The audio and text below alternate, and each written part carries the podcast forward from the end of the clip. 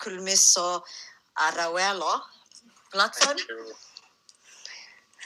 Um, we will start with you, one hour. As I say, uh, you will talk 30 minutes and we will give uh, the people uh, to ask questions. Uh, and this is podcast. So uh, everyone who don't have the time to come now, they will listen. Okay. So, uh, Assalamu alaikum wa rahmatullahi wa barakatuh, everyone. Welcome to Kulmisa Arawelo platform. Today, we are to talk about what's mind power and peaceful mindset.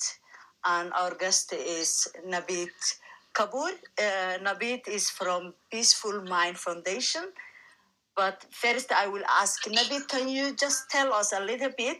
Because people, uh, you are in um, Somali platform, and they don't know you, but you are in India just now. Welcome. So, uh, hello everybody, and thank you, um, ma'am, for inviting me. This is my first clubhouse um conversation, and uh, it's a pleasure to be with you. So, I am Professor Nabit. I am from India, New Delhi, and I work on mental health. I have the organization by the name of Peaceful Mind Foundation and the World Leaders for Mental Health, and we work on mental health and well-being um, globally. Um, even when you say Somalia, Somalia, we have worked with Puntland State uh, and uh, Gulmudug State, and also one of your uh, ministers of health is on our board of advisors, Dr. Mariam Qasim. So it's a pleasure to be here, and I am ready to uh, speak to you about uh, a peaceful mindset, especially during this time of COVID 19. So over to you, Ms. Lul. Uh, thank you. Uh, but before we go, I know you are TEDx speaker, you are candidate, or you seek for to be the leader of United Nations, and it makes me happy. Absolutely. Uh, but you will uh, take your time and tell us about peaceful uh, mind. I Yeah. will be in mute. Everyone else will listen. Okay. So what we do in Peaceful Mind Foundation, um, it's basically a global organization, and we work on mental health advocacy. So when we talk about mental health advocacy, it basically indicates that we tell people that mental health is an important part of life because many people neglect it and many people are not even aware of it. So our main motive has been to tell people that it is an important aspect and we have to start taking care of it. Under peaceful mind foundation we have a lot of projects. We have projects for policymakers we have projects for youth uh, we have projects um, especially in the courses and diploma programs. We have workshops we have trainings we are working with the police uh, and etc mental health especially has gained importance since the last year if i would uh, point out uh, during the time of covid-19 when many people were under lockdown and people were not really understanding what to do, how to do, and you know there was some kind of uncertainty, there was some kind of fear that people were not understanding that how we have to take care of your mental health, and many people got affected psychologically. So we started uh, Peaceful Mind uh, COVID nineteen uh, uh, center in which we do free counseling sessions uh, across the globe uh, even if you see on Google today, also we have a news article which came about about us that we have counseled more than 1,200 people free of cost. Because during this time, it is very important to take care of your mental health. Your emotional health is getting affected. Your thoughts are getting affected, and many people would are not able to strategize that what is going to come in future. So that is where our mental health comes into play. So this is the, exactly what we are doing in um, in uh, in the COVID nineteen time. and when we talk about mental health, it's not only with the adults or something. Mental health is generally getting affected to the youth, the young people, because they are not understanding that how they have to adjust to the changing situation. Because every day there is a new mutant, every day there is new variant. Vaccinations are not available. For example, here in India, uh, people are not able to go out they have to sit in the lap you know in front of the laptops and many other things like many other factors which are the relationships are getting affected so people are not understanding what to do and especially with this youth we are uh, facing a lot of emotional issues yesterday i was reading a report that you know few youths are have actually created uh, committed suicide because they were not able to deal with the uncertainty of uh, what is happening. So mental health during this time has actually taken a lot of prominence. I don't know how far it is going on in different regions but yes we have cases from somalia we have cases from um, other African countries. We have cases from India as well, definitely. Um, so we are dealing with these. Um, so when I talk about relationships during COVID 19 and mental health, uh, many people are not able to understand that how do they maintain a healthy relationship during covid-19 because if you're sitting in a lockdown for example and you are continuously in front of each other so definitely the relationships also get a turmoil so it's better you give space to each other better to you know understand each other because this is a very good time to even understand each other if you take it positively. And it's a very good time for you to strategize for future because things are going to change. And when we talk about things are going to change there has to there is going to be a new normal. And uh, after the second wave or the third wave or the fourth wave things will keep on changing so it's a very good time for you to adapt to the new change and you know do not get fixed to only uh, one set of behavior or one set of uh, uh, rules and regulations. So uh, that is what is my take on mental health during uh, this uh, point of time. if you ask me about my peaceful mind and my journey, I never thought that I will start an organization which works on mental health and i never thought that you know it will go to this extent that i will uh, be addressing people like you people like policymakers and governments. So this passion for mental health which came into me was that i became very focused that i have to tell people that it is an important aspect of life. And people have to know about it and they have to perceive it as important. Uh, these days we are working with policymakers uh, from different parts of the world. Today also we got uh, um, uh, two members confirmed on the board. Uh, one is the Prime Minister of the Faroe Islands, and one is the, the Health Minister from Greenland. So, all these people join us on board and they give their valuable inputs as to what more can be done in terms of uh, mental health reforms and how mental health can be brought to a major global limelight like climate change, like uh, energy, like sustainability, etc. Because if you see down the line, mental well-being is connected to everything. So why not to just tackle it and get it to the global limelight and give it the due importance which it uh, which it deserves. So this is my area of work, and this is. Uh, uh, what I have been doing. Miss Lula, yeah, over to you. If you ask me anything like a particular, uh, I would be happy to uh, shed light on it. Thank you for that. But I will give my other half, uh, uh, Uncle Said, to ask my questions. Okay. Uh, so I will mute uh, myself. Yes. Uh, first and foremost, I, I, would like to warmly welcome Professor Dr. Navid, you know, who has given us, you know, who, have, who has given us an informative and enlightening information about peaceful mindset, you know. As has been said, you know, this is a very important and crucial issue, particularly in this era of ours with the COVID 19, with the dynamically changing world. The world is becoming such a small village nowadays to the extent that they affect and impact each other.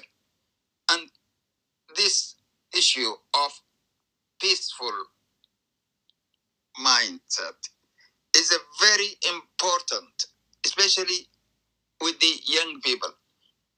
As has been said by the professor, India represents a very, very exemplary thing for us, not only by way of population, but by way of education, by way of knowledge, by way of the diversity. You have got so many gaps, you know, whether it's equity in economic terms, in regional, in religious, in social, in racial, all these things makes it a very rich example to benefit from. And rather than talk too much, I would like Professor Navid, whom I really congratulate, you know, for his and wish him all the best. I would like him to highlight certain aspects, particularly on the youth and, and the children and the women, you know, specifically on, on, on those most vulnerable stratas of the society. Thank you very much, Navid.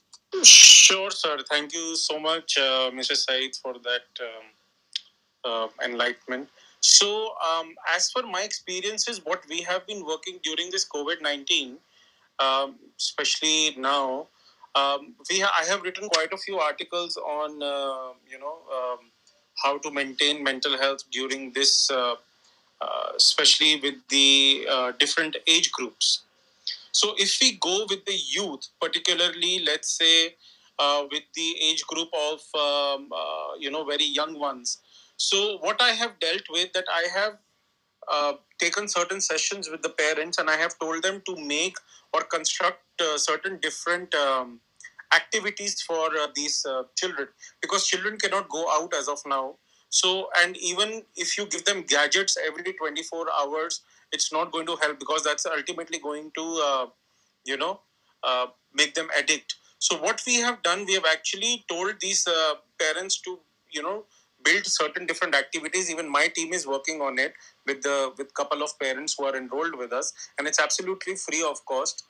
And give them different activities like coloring or making something like craft or something more design or singing, dancing, whatever. So these kind of things we do with the children. Coming to the age group of adolescents, now when online classes are happening, so obviously the person has to be in the class uh, for a couple of hours, and after that, the certain set of homework is given to the uh, to the to the person, and then the child does this homework. So this is with the adolescents, but yeah, with the adolescents, it is not much because they know that they have to study. They have a stipulated time, and then they have a stipulated time with their social media and etc. Especially with the young ones, like the youth. Uh, when I say youth, I come down to the age of 21, 22, or uh, you know above that so these kind of people are mostly getting affected because they are not able to deal with the negative news which is coming out you know especially the negative news. And they are not able to deal with that you know how they should uh, uh, you know relate to this kind of a news. There are some people who are so so sensitive that they attach them attach to the uh, social media so much that they start getting affected. So for them i have uh, cert- i have used uh, certain strategies stra- strategies that how to deal with negative thoughts. First of all you should limit your social media exposure. That is very important and that is actually going to help you to uh, curb your uh, uh, negative thoughts. Secondly what i have uh, told them is to start talking to people who they have not spoken to like for example a long uh, friend or a long distance relative or somebody who uh, who's not very close to them. So at least start talking to them so that you know that everybody is fine and everybody is well and you all are with uh, each other. Write a diary which is very important.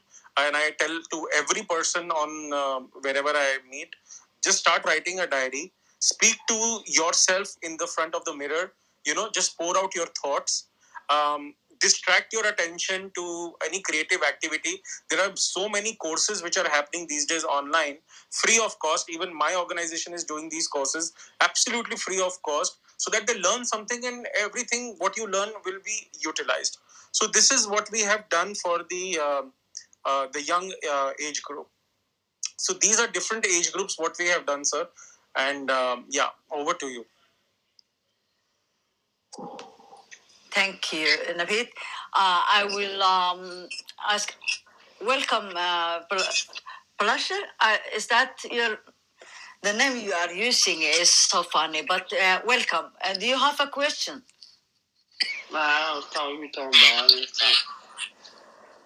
Okay. Uh, thank you for being with us. Uh, Nabit, uh, do you Yeah. have some techniques? Uh, because if I'm um, I'm scared, I'm in chaos situation, um, uh, I'm just looking and I'm just seeing the negative. I don't see positive at all. How can I change? See, changing to positive does not come in one day, and that we have to understand. So, the techniques which I just told you that how to deal with negative thoughts, uh, these are the best ones which my people have used, and but you have to use them every day. You just don't have to use them for a couple of hours. Uh, you know, speak out, write a diary, distract yourself, do something creative. You know, and these things actually help you to move towards a better ray of hope. Oh, yeah, one thing I would like to tell you here is that, um, uh, and I'm sure that would be also one of your questions, that how to cope up with a personal loss. That if people are dying and if you're seeing that people are not able to cope up with it and you see the lot of grief is happening around you, so how to cope up with the personal loss? Um, be patient with yourself. That is the first thing I always tell to the people who have come under counseling uh, be patient with yourself and give yourself time to accept as to what has happened that is very important. And when i say accepting i mean that you should grieve you should cry. That doesn't mean that you keep your emotions inside because grieving is a process and it is mandatory that you go through it. Adjust your expectations. Do not expect anything that cannot be fulfilled. You cannot just crib over oh i could have saved the person. Oh i could have done this and that. No because that time is gone. It's better you start accepting the reality. Accept what you cannot change and you know that death is an inevitable part of anybody's life. It is tough to accept it during that point of time but we have to accept it. So give the person certain time find strength and hope in others this is very important. You need a support during that point of time and anybody who is uh, with that person or uh, as a family friend or a close person who the person trusts do not give suggestions. And if the person is trying to open up do not intervene. Do not give your suggestions. Do not give your advice. Let the person speak out his or her mind because that that that is the process that the person is healing up don't get stuck. Uh, it may time it may take time for you to get out of the situation but it is possible with the help of others. Um, and always create some kind of a value from this kind of experience what you are uh, dealing with. Because death is inevitable grieving is a process. So all these things will definitely definitely help. And the people who we have counseled who came to us uh, they definitely have shown uh, better results. Over to you ma'am Uh, thank you, Nabit. Hafsa, welcome. yeah Do you have question, Hafsa? Hafsa, do you hear me? Okay. Uh, I have question. Uh, that is the grieving. But what about if I'm I'm thinking the society I am from, the family I am within, everything around me is not working. Mm. Everything is uh, pressuring me. How can I change uh, the thoughts um, to see the positive side? I'm just looking the negative, and it Mm. comes from me. So how can I change? See, when you talk about negative thoughts, ma'am, see, negative thoughts also depends on the intensity of the negative thoughts. Now, negative thoughts can be of many types. Like some can be um, self-hurting negative thoughts. Some can be, you know, uh, uh, things which are just happening and it can be temporary. So, as I always, uh, as I mentioned before, also, uh, the best thing I used to do when I have a negative thought is I write it down and it really helps me out to uh, you know uh, voice out my negative thoughts when I write them write them down, and um, it depends on also the personality of the person that how you change your negative thoughts. Some people see positive videos. Some people just listen to music. Uh, some people write it down. Some people just talk to a friend and they can overcome a positive thought. Like I'll tell you a very good example, which is just happening with me um, one of my friends, a very close friend of mine, his father is admitted to the ICU because of the COVID, and uh, it's been more than a month. So that person is bound to have negative thoughts. You know, if something happens, what will I do, etc., etc. These kind of things. What I have told him that either he talks to us, he writes down his emotions, he focuses on his office work, or he just goes out for you know five ten minutes because these are the things which actually help you out and as i always say this is not just a one uh, hour two hour thing. You have to do it consistently. You have to be very cautious of your thought because uh, those thoughts should not validate you. And if you start giving conscious thought to your existing thinking that will actually help you to overcome your uh, uh, negative thoughts. And if not then definitely you should refer to a professional if you are not able to overcome with these small techniques And thank you, Navid Kapoor or Professor Navid Kapoor. And uh, I'm used to, to call Uncle Saeed, but maybe I should say Mr. Saeed. Welcome. Uh, th- thank you. I, I- I would like just to make a point of suggestion, you know, which might be helpful for us, especially with the audience we are together now. Uh, as you know, it's very easy to understand English and to understand it, you know, as good and as clear as being expressed by Professor Navid. But at the same time, we do know that the act or the art of expression is not as easy as understanding.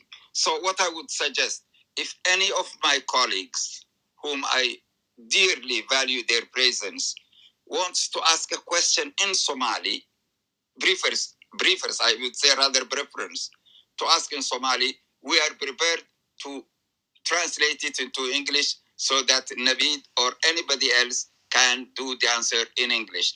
I want I want us all to feel easy, to socialize, to feel comfortable. That's the best way we can benefit greatly from this opportunity. And, I see so many names who really can contribute. I would like to encourage them to contribute, even if they want to say a few things. They shouldn't feel hesitant. They shouldn't feel embarrassed. They should feel at home. That's what I want to tell. and I will say the same in Somali, inshallah. Thank you, Other Said.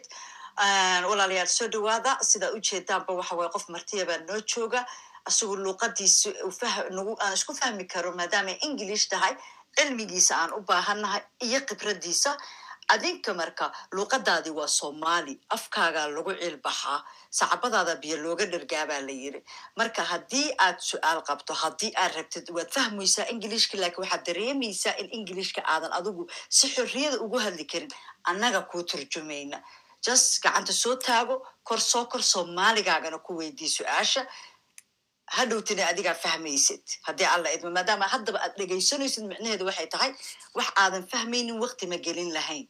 Waad fahmaysaa. Marka ku hadalka hadduu ku dhibayo annagaa ku hadlayno soomaaligaaga ku hadal gacanta soo taago soo dhawaada And amina welcome.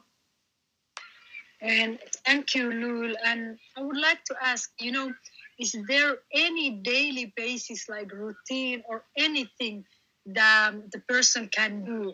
Is there any basic daily routine you can like do?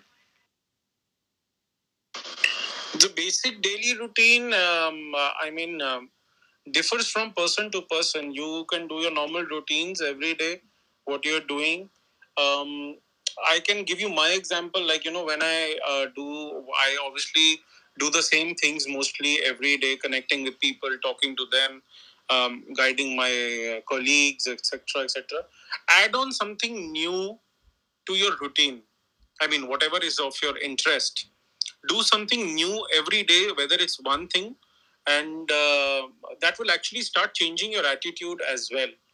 Um, and it helps. So, this is just my personal example um, I am sharing with you. Uh, but also, it depends on from person to person that what does and how does the person utilize the daily routines. thank you um, let me see. Maybe we will get a guest.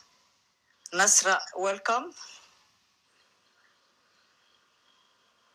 Thank you very much. Thank you, all of you. Uh, it's really a very amazing topic. Uh, but what I like to ask uh, Professor Nabit is, you told us to be uh, stay away from social media or to limit our social media exposure. How our social, how the social media could affect our mind? Will you please explain to us, Pete? That's a very debatable question, you know, and uh, we have been working on it for a very long time. Now, definitely, see, social media affects your the way you think. You see positive things, you see something which is very entertaining. Definitely, it makes you happy, and it definitely reflects in your behavior, your attitude. It completely changes to a very positive thing. Now, when I said limit your exposure, means if even if you're connected or even if your work is social media, for example, just do not let that hamper you.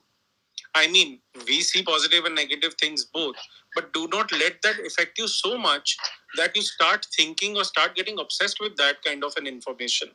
That is the uh, primary thing. Secondly, social media definitely helps you to gather a lot of information and it helps you to even um, learn or change your attitude and many of those things. It depends on the person how the person is uh, seeing social media and how the person is utilizing uh, social media so definitely social media has a lot of impact on your uh, psychological health your impression your attitude your aggression your uh, personality everything gets affected by the way you perceive uh, social Uh, media. Nasra, can you mute yourself? I tried, but I can't. Please mute yourself.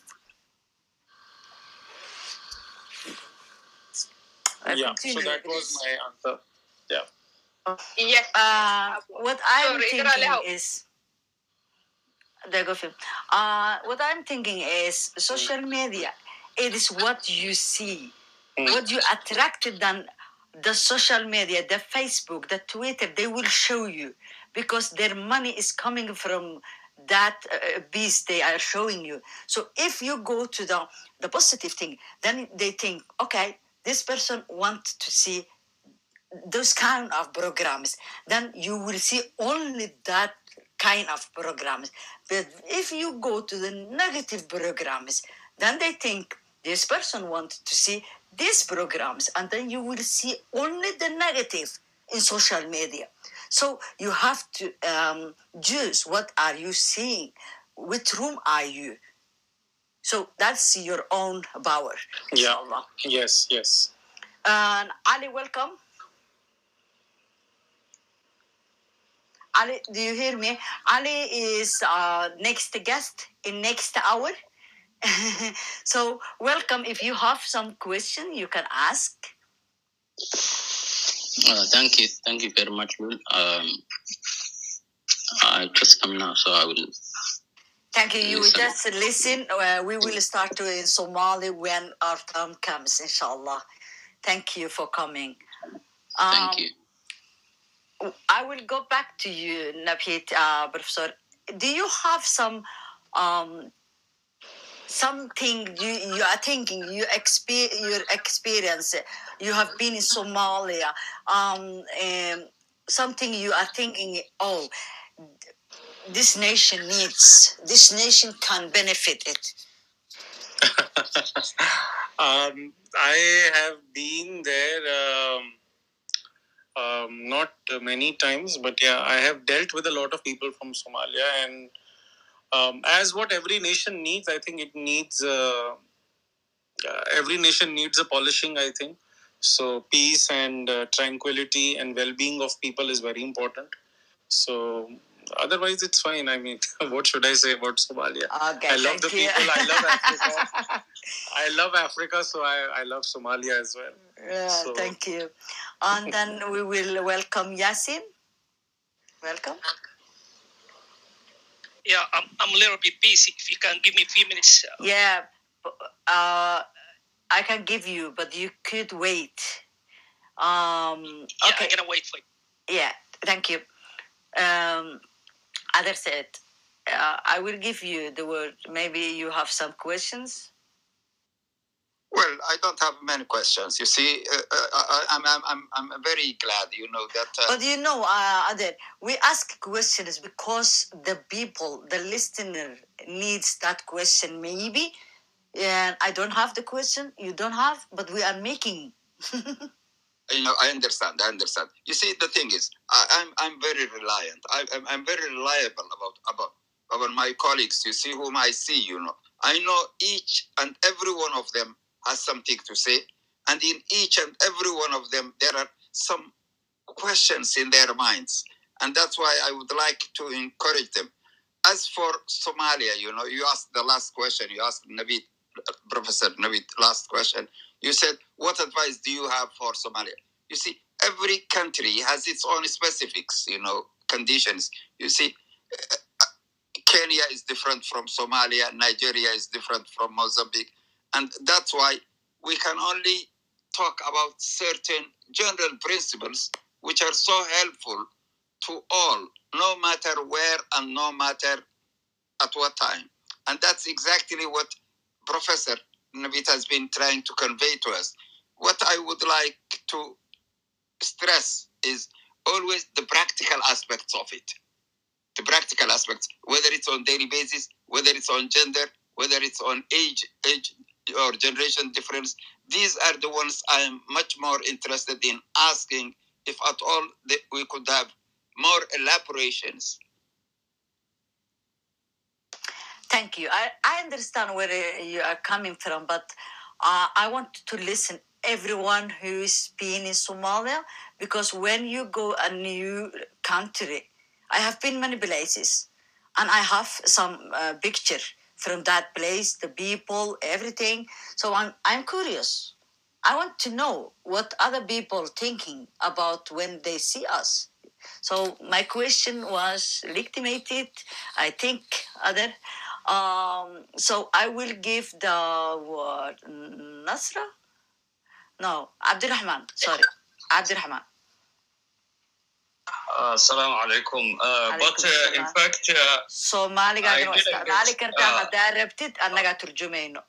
well, my of Somalia, but I didn't get uh, what this uh, uh, speech is, the meaning of what, because uh, I was not told what you are maybe discussing. uh, uh, like you see in there, it is what's about.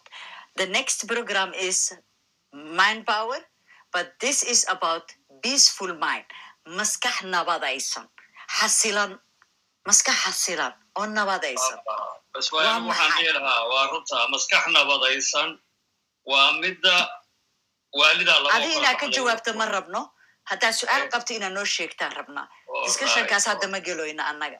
waa gartay ha marka waa waalida dhaqanta iyo waalida halista. Okay, aada u mahadsan Midda ka tahay. Adigoo nabadgashay. ah, su'aal miyaad qabtaa? hadda su'aashii waa taas waxaan ku idhi peaceful mindiga maskaxda nabad gashay ma midda waalida dhaqanta iyo midda waalida halista ah ka nabad gashayba Okay, waa mahadsan tahay. Waa gudbinaynaa, okay. Um, okay, thank you. Uh, mood noo gal, insha Allah. Mahadsanid.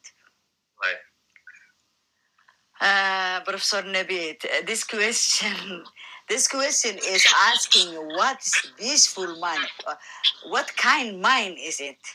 Is that peaceful mind the mind who, which is not crazy, uh, which is healthy? What kind about what kind of uh, mind is it? So, peaceful mind, according to me, if you ask, and why I created this organization is of peaceful mind, is when you are content with yourself, you are happy with yourself, and you are satisfied with yourself. That is a peaceful mind for me. aniga sida ay tahay buu yiri waa marka aad xasilan tahay isku qanacsan tahay isjeceshahay markaa ayay aniga ii tahay maskax xasilan ama maskax nabadaysan. Maskax nabad ku joogta. Waa qofka ayadu isjecel xasilan oo isku qanacsan. Su'aashaadii waa ka jawaabnaa u malaynaya. Cabdilaahi soo aad ba umahadsantihiin su'aasha kule soomaali waa idinku wey weydiinayaa si fiican annagaa kuu turjumayna insha allah. Adeer saciid baa noo jooga waxaan weydiinayaa had jeer marar badan waxaa dhacdaa dhalinyaro badan oo ama aanan u ka mid ahay inay dhacdo mustaqbalka in marar badan ay ka werweraan shaqada ay hadda hayaan inay halka ay rabaan targetkoodii ay gaadhsiin doonto ama waxbarashada ay hadda wadaan in targetkoodii ay gaadhsiin doonto ay ka werweraan ama ay dhacdo inay aad isweydiiyaan su'aashaas oo deetana maskaxdooda ku soo noqnoqoto. Marka mustaqbalka ay ka werwersan yihiin targetkoodii inay gaari doonaan wax ma u dhimin doontaa een, peaceful mainkoodii ay lahaayeen ee ay naftooda satisfied ay ku qabeen wax ma u dhimi doontaa waan filayaa bal su'aasha inay fahanteen go ahead adeer hey, uh, there is a question which has been raised, Professor Navid, by Abdullahi. You know, Abdullahi says, Abdullahi puts forth a very, a very pertinent question relating to the youth. You know, says the young people, the young people have their aspirations, have their dreams, which they want to realize when they grow up. And what happens is there are, there, there, there are always the concerns and the worries whether they will be able to achieve their dreams, their aspirations, etc. How much does that affect the peaceful mind, or is it related to the peaceful mind pertaining Okay. to that question? So this question was raised to me yesterday also in a conference. So what happened? uh, What happens? I will just uh, start off with uh, something which even I faced in my life, and I have seen many people facing. So I teach them. Always, as a young person, you you always have a vision. You always have a dream, and you have an ambition. These three things are different. So you have a dream, you have an ambition to do something, and you want to do, and you have a vision. That means you are moving towards your goal. Generally, what happens in young people, we are very impulsive and we are always, you know, as you say, hot blooded kind of a people, short tempered people, uh, and we want to achieve everything in one day. When you want to do something and when you have set a goal, you should always make a psychological blueprint of it. That means you have to prepare yourself that the dream which i have or the vision which i have it's not going to happen in one day and i have to be very consistent with it. Many people fail and many people land up into a non-peaceful mind as you asked peaceful mind. Many people land up into that non-peaceful zone because they do not prepare for the fall downs as we say you always prepare that once i succeed and when i once i reach the goal i will do this this this. But we do not have a plan. If i fail then what will happen? That is a very important and a very uh, key feature of these youth that you have to have a backup plan. You have to know that if i don't win what is the next step? You have to be focused you have to consistently moving. I mean all these people uh, today uh, who are listening to us uh, you people have called me seeing that i have done something and behind that door how many doors have closed on my face nobody knows. You have to be consistent and keep moving. And the last thing which i always say to everyone never lose hope because that is going to make you sail through the toughest of times in your life. And it actually works. And i'm telling you from my experiences it works. So these youth of today they have dreams they have aspirations but they do not have the patience that they have to work consistently consistently on the same thing again and again. They fall down once they fall down twice and the third time they just give up that is not how you are going to achieve your goals so i think that answers your uh, question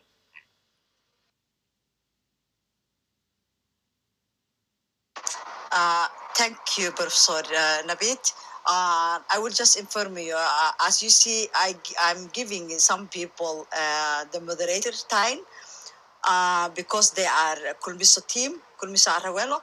Um, we are 28 person, different uh, fields. Uh, now we are only three in the room. Um, but as you see, Ali and Mustaf, who will come back, is uh, the guest next after you. Uh, British, welcome, dhacdo thank you so much waa haddii lacala ay su'aal jirto waad nagu dhex tuuri kartaa insha allah wixii kaaga baxo intaad nala joogto.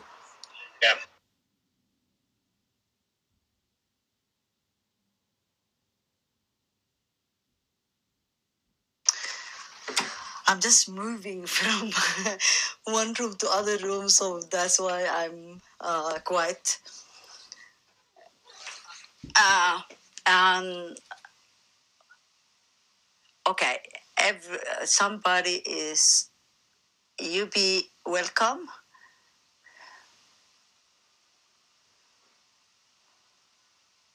You rack the hand, so you have to come up. Okay.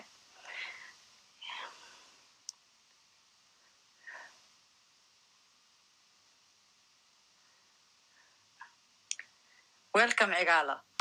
Uh, thank you. I'm just going to listen a bit. I think I've missed most of the program. So let me get Marek to the hang of it and then. 20 minutes, so you can just uh, be with us. Inshallah. Thank and you. then, yeah, I'll ask if you guys allow Yeah, questions. uh, Inshallah. Uh, Nasra, you were to say something? Thank you very much, Habo. Uh, I would like to ask uh, Professor Nabit again another question, which is uh, how uh, creativity and art could help our peaceful uh, of the peace, peacefulness of our mind. Uh, my other question will be, um, what about if you are always around a very messed up environment, or always the environment that you live is more bothering you? Could you have ability to maintain your mind in a peaceful situation? So your first question is regarding creativity. Definitely, it has an impact on your uh, um, mental health because creativity generally helps you to become um, more thoughtful, and your thoughts generally uh, become more organized when you, um, uh, you know, uh, are into a creative zone or something. And generally, if you see uh, more creative people, they are uh, you know very thoughtful they are intelligent. And when i say intelli- intelligent i mean that they are uh, they can relate with different people you know more adjustable and uh, etc so what was your second question?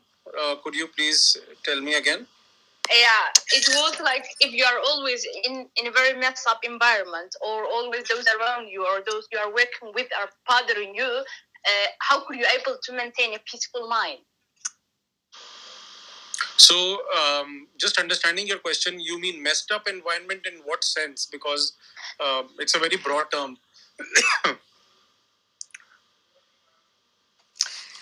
Nawr su'aashaada ma soo koobi kartaa calashaan messed up or yeah, no yeah, yeah. I mean, like if you always have a problem, like with the colleagues that you are working with or the people that you live within the same environment, Mhm. how could you able to have a main, uh, peaceful mind?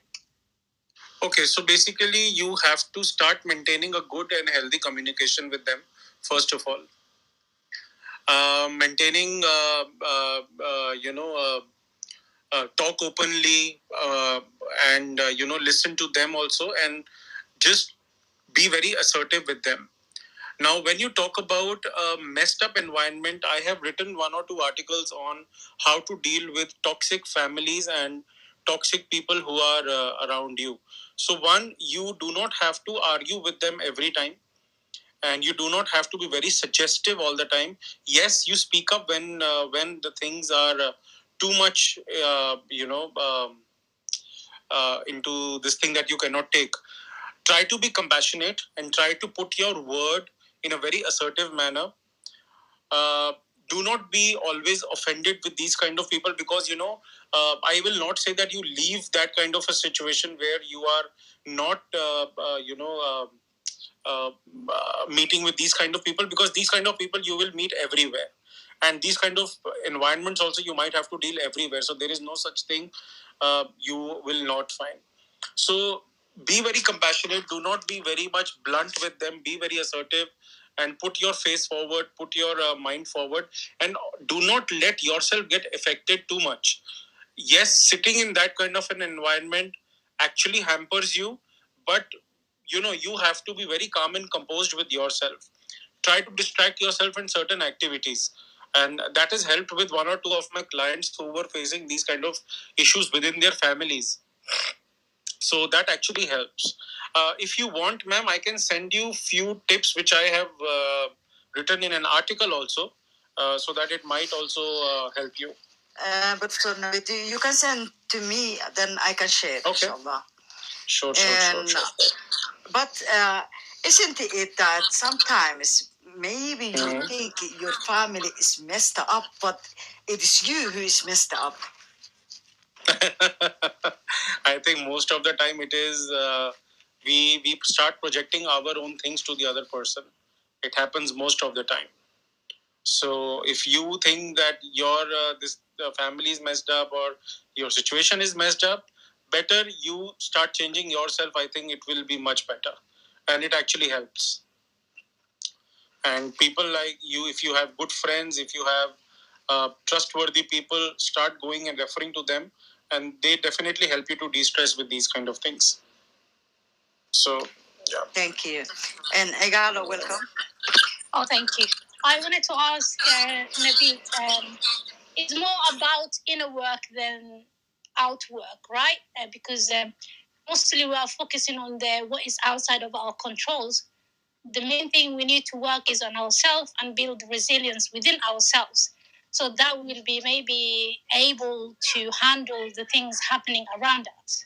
It seems like the world we we are we are becoming outwards people than in you know um, than uh, working in ourselves. We like to blame.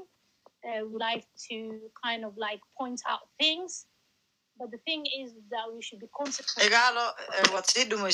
Yeah, the thing I would you say the things that we need to concentrate is building ourselves and building resilience within ourselves.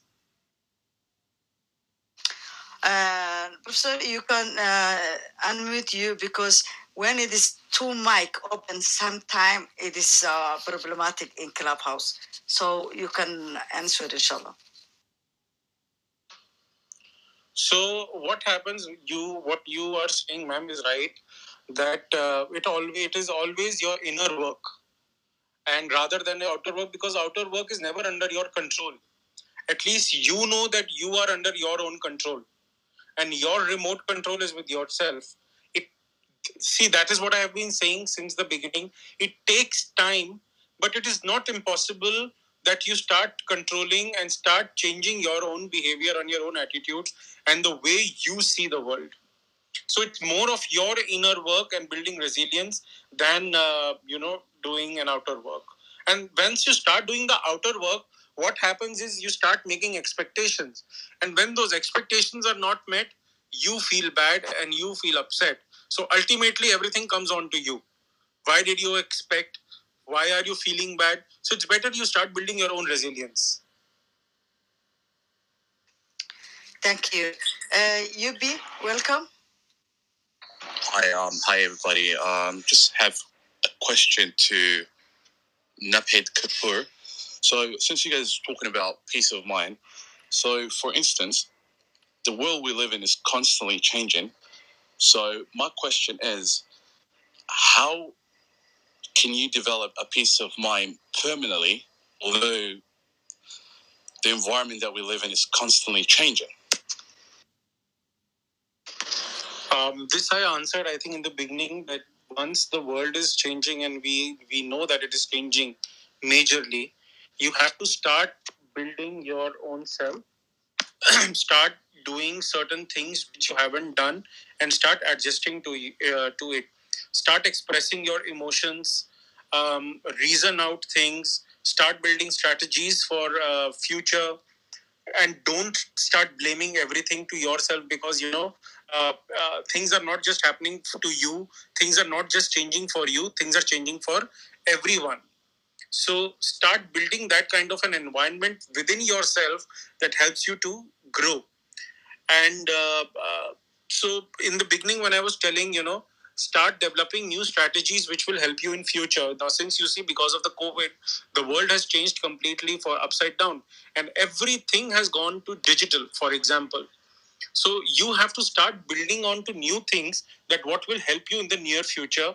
Maybe another pandemic comes so you know you have those kind of techniques and strategies that you can constantly adapt to the changing world so this is what i have been telling. I will definitely share these kind of uh, tips which i have um, written and you can also see it on my instagram page that you have to be mentally stronger. You have do not have to give yourself up.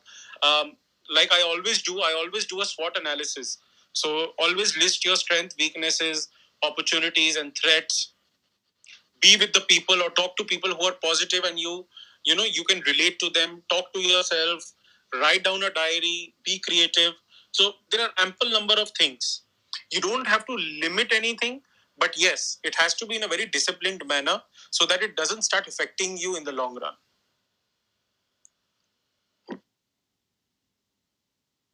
Thank you. Uh, uh, welcome, British. Oh, thank you. Uh, it's really great honor to have you here, Nabil. Uh, Nabil, and it's, uh, I really appreciate that you've given us an opportunity that we're asking you questions. Uh, there is a question that I've been wondering what to do with it. It's like there are a set of people who actually want to study something. They may apply on them and try to school a college or university. But the problem is when they go uh, that university or college for certain months, like let's say three to four months, they stop and they're, they're reasoning like, oh my God, this is a very hard subject. I can deal with it. And then in, in, in that moment, again, they actually start another subject. And a couple of months later, they do the same. And they're wasting energy, they're wasting time, all that stuff. So what is their problem? Is there some problem with their mindset? Are they not fully prepared? What is your advice to them? See, it is not the mindset, I will say, sir. Um, generally, what happens is we take or we study or we choose a career which people want us to do. Now, my parents wanted me to take up uh, science and do pilot studies and, uh, you know, aeronautics and blah, blah, blah. But I was of the firm op- opinion that it is not my aptitude to do so. I had put my foot down and I did psychology now people start seeing like a candidate starts seeing himself from the eyes of others. So when you start seeing yourself from what people are expecting your parents are expecting you do this you do this ultimately you are you are actually um, you know repre- i will not use the word repressed but you know your interest goes down into what you want to do. You start doing things what people are telling you to do because you do not have your own thinking in that and that is where your person starts losing interest. And at the end as you say that they start changing subjects and colleges and they start moving to different fields because they were not in the first place. They were not uh, ready to do that thing but they did it because the the external environment wanted them to do. So obviously that's not a mindset but uh, it actually happens with a lot of people i know. Like mainly in india many people go through these kind of issues but it's it's it's a large scale matter. So i always suggest to these kind of people just put your foot down. I mean if you want to fight with people fight with them. Just do what you want to do because ultimately that is going to land up into uh, that is going to, uh, to, land you up into a peaceful mind and uh, a successful future. Yeah. Uh, thank you.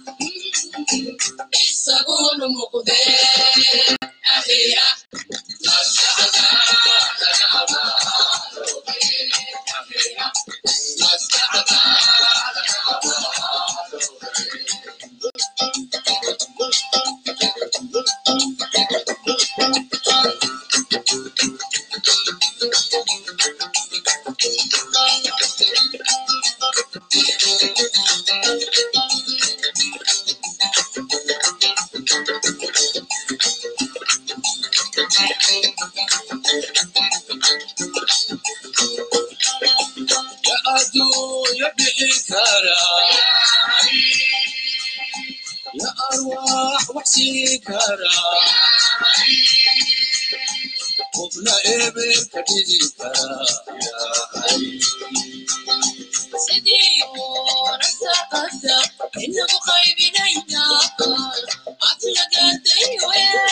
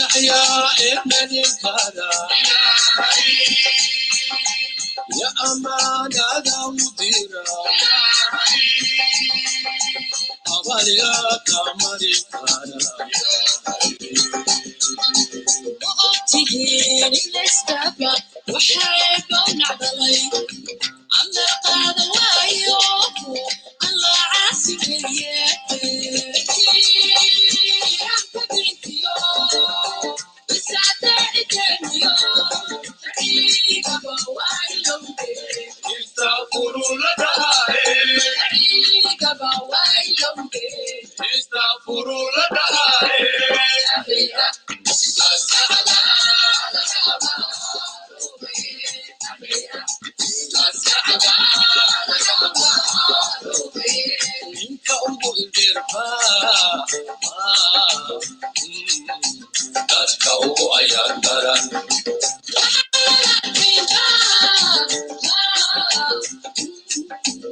isaguna muqdee ninka ugu hindheerba dadka ugu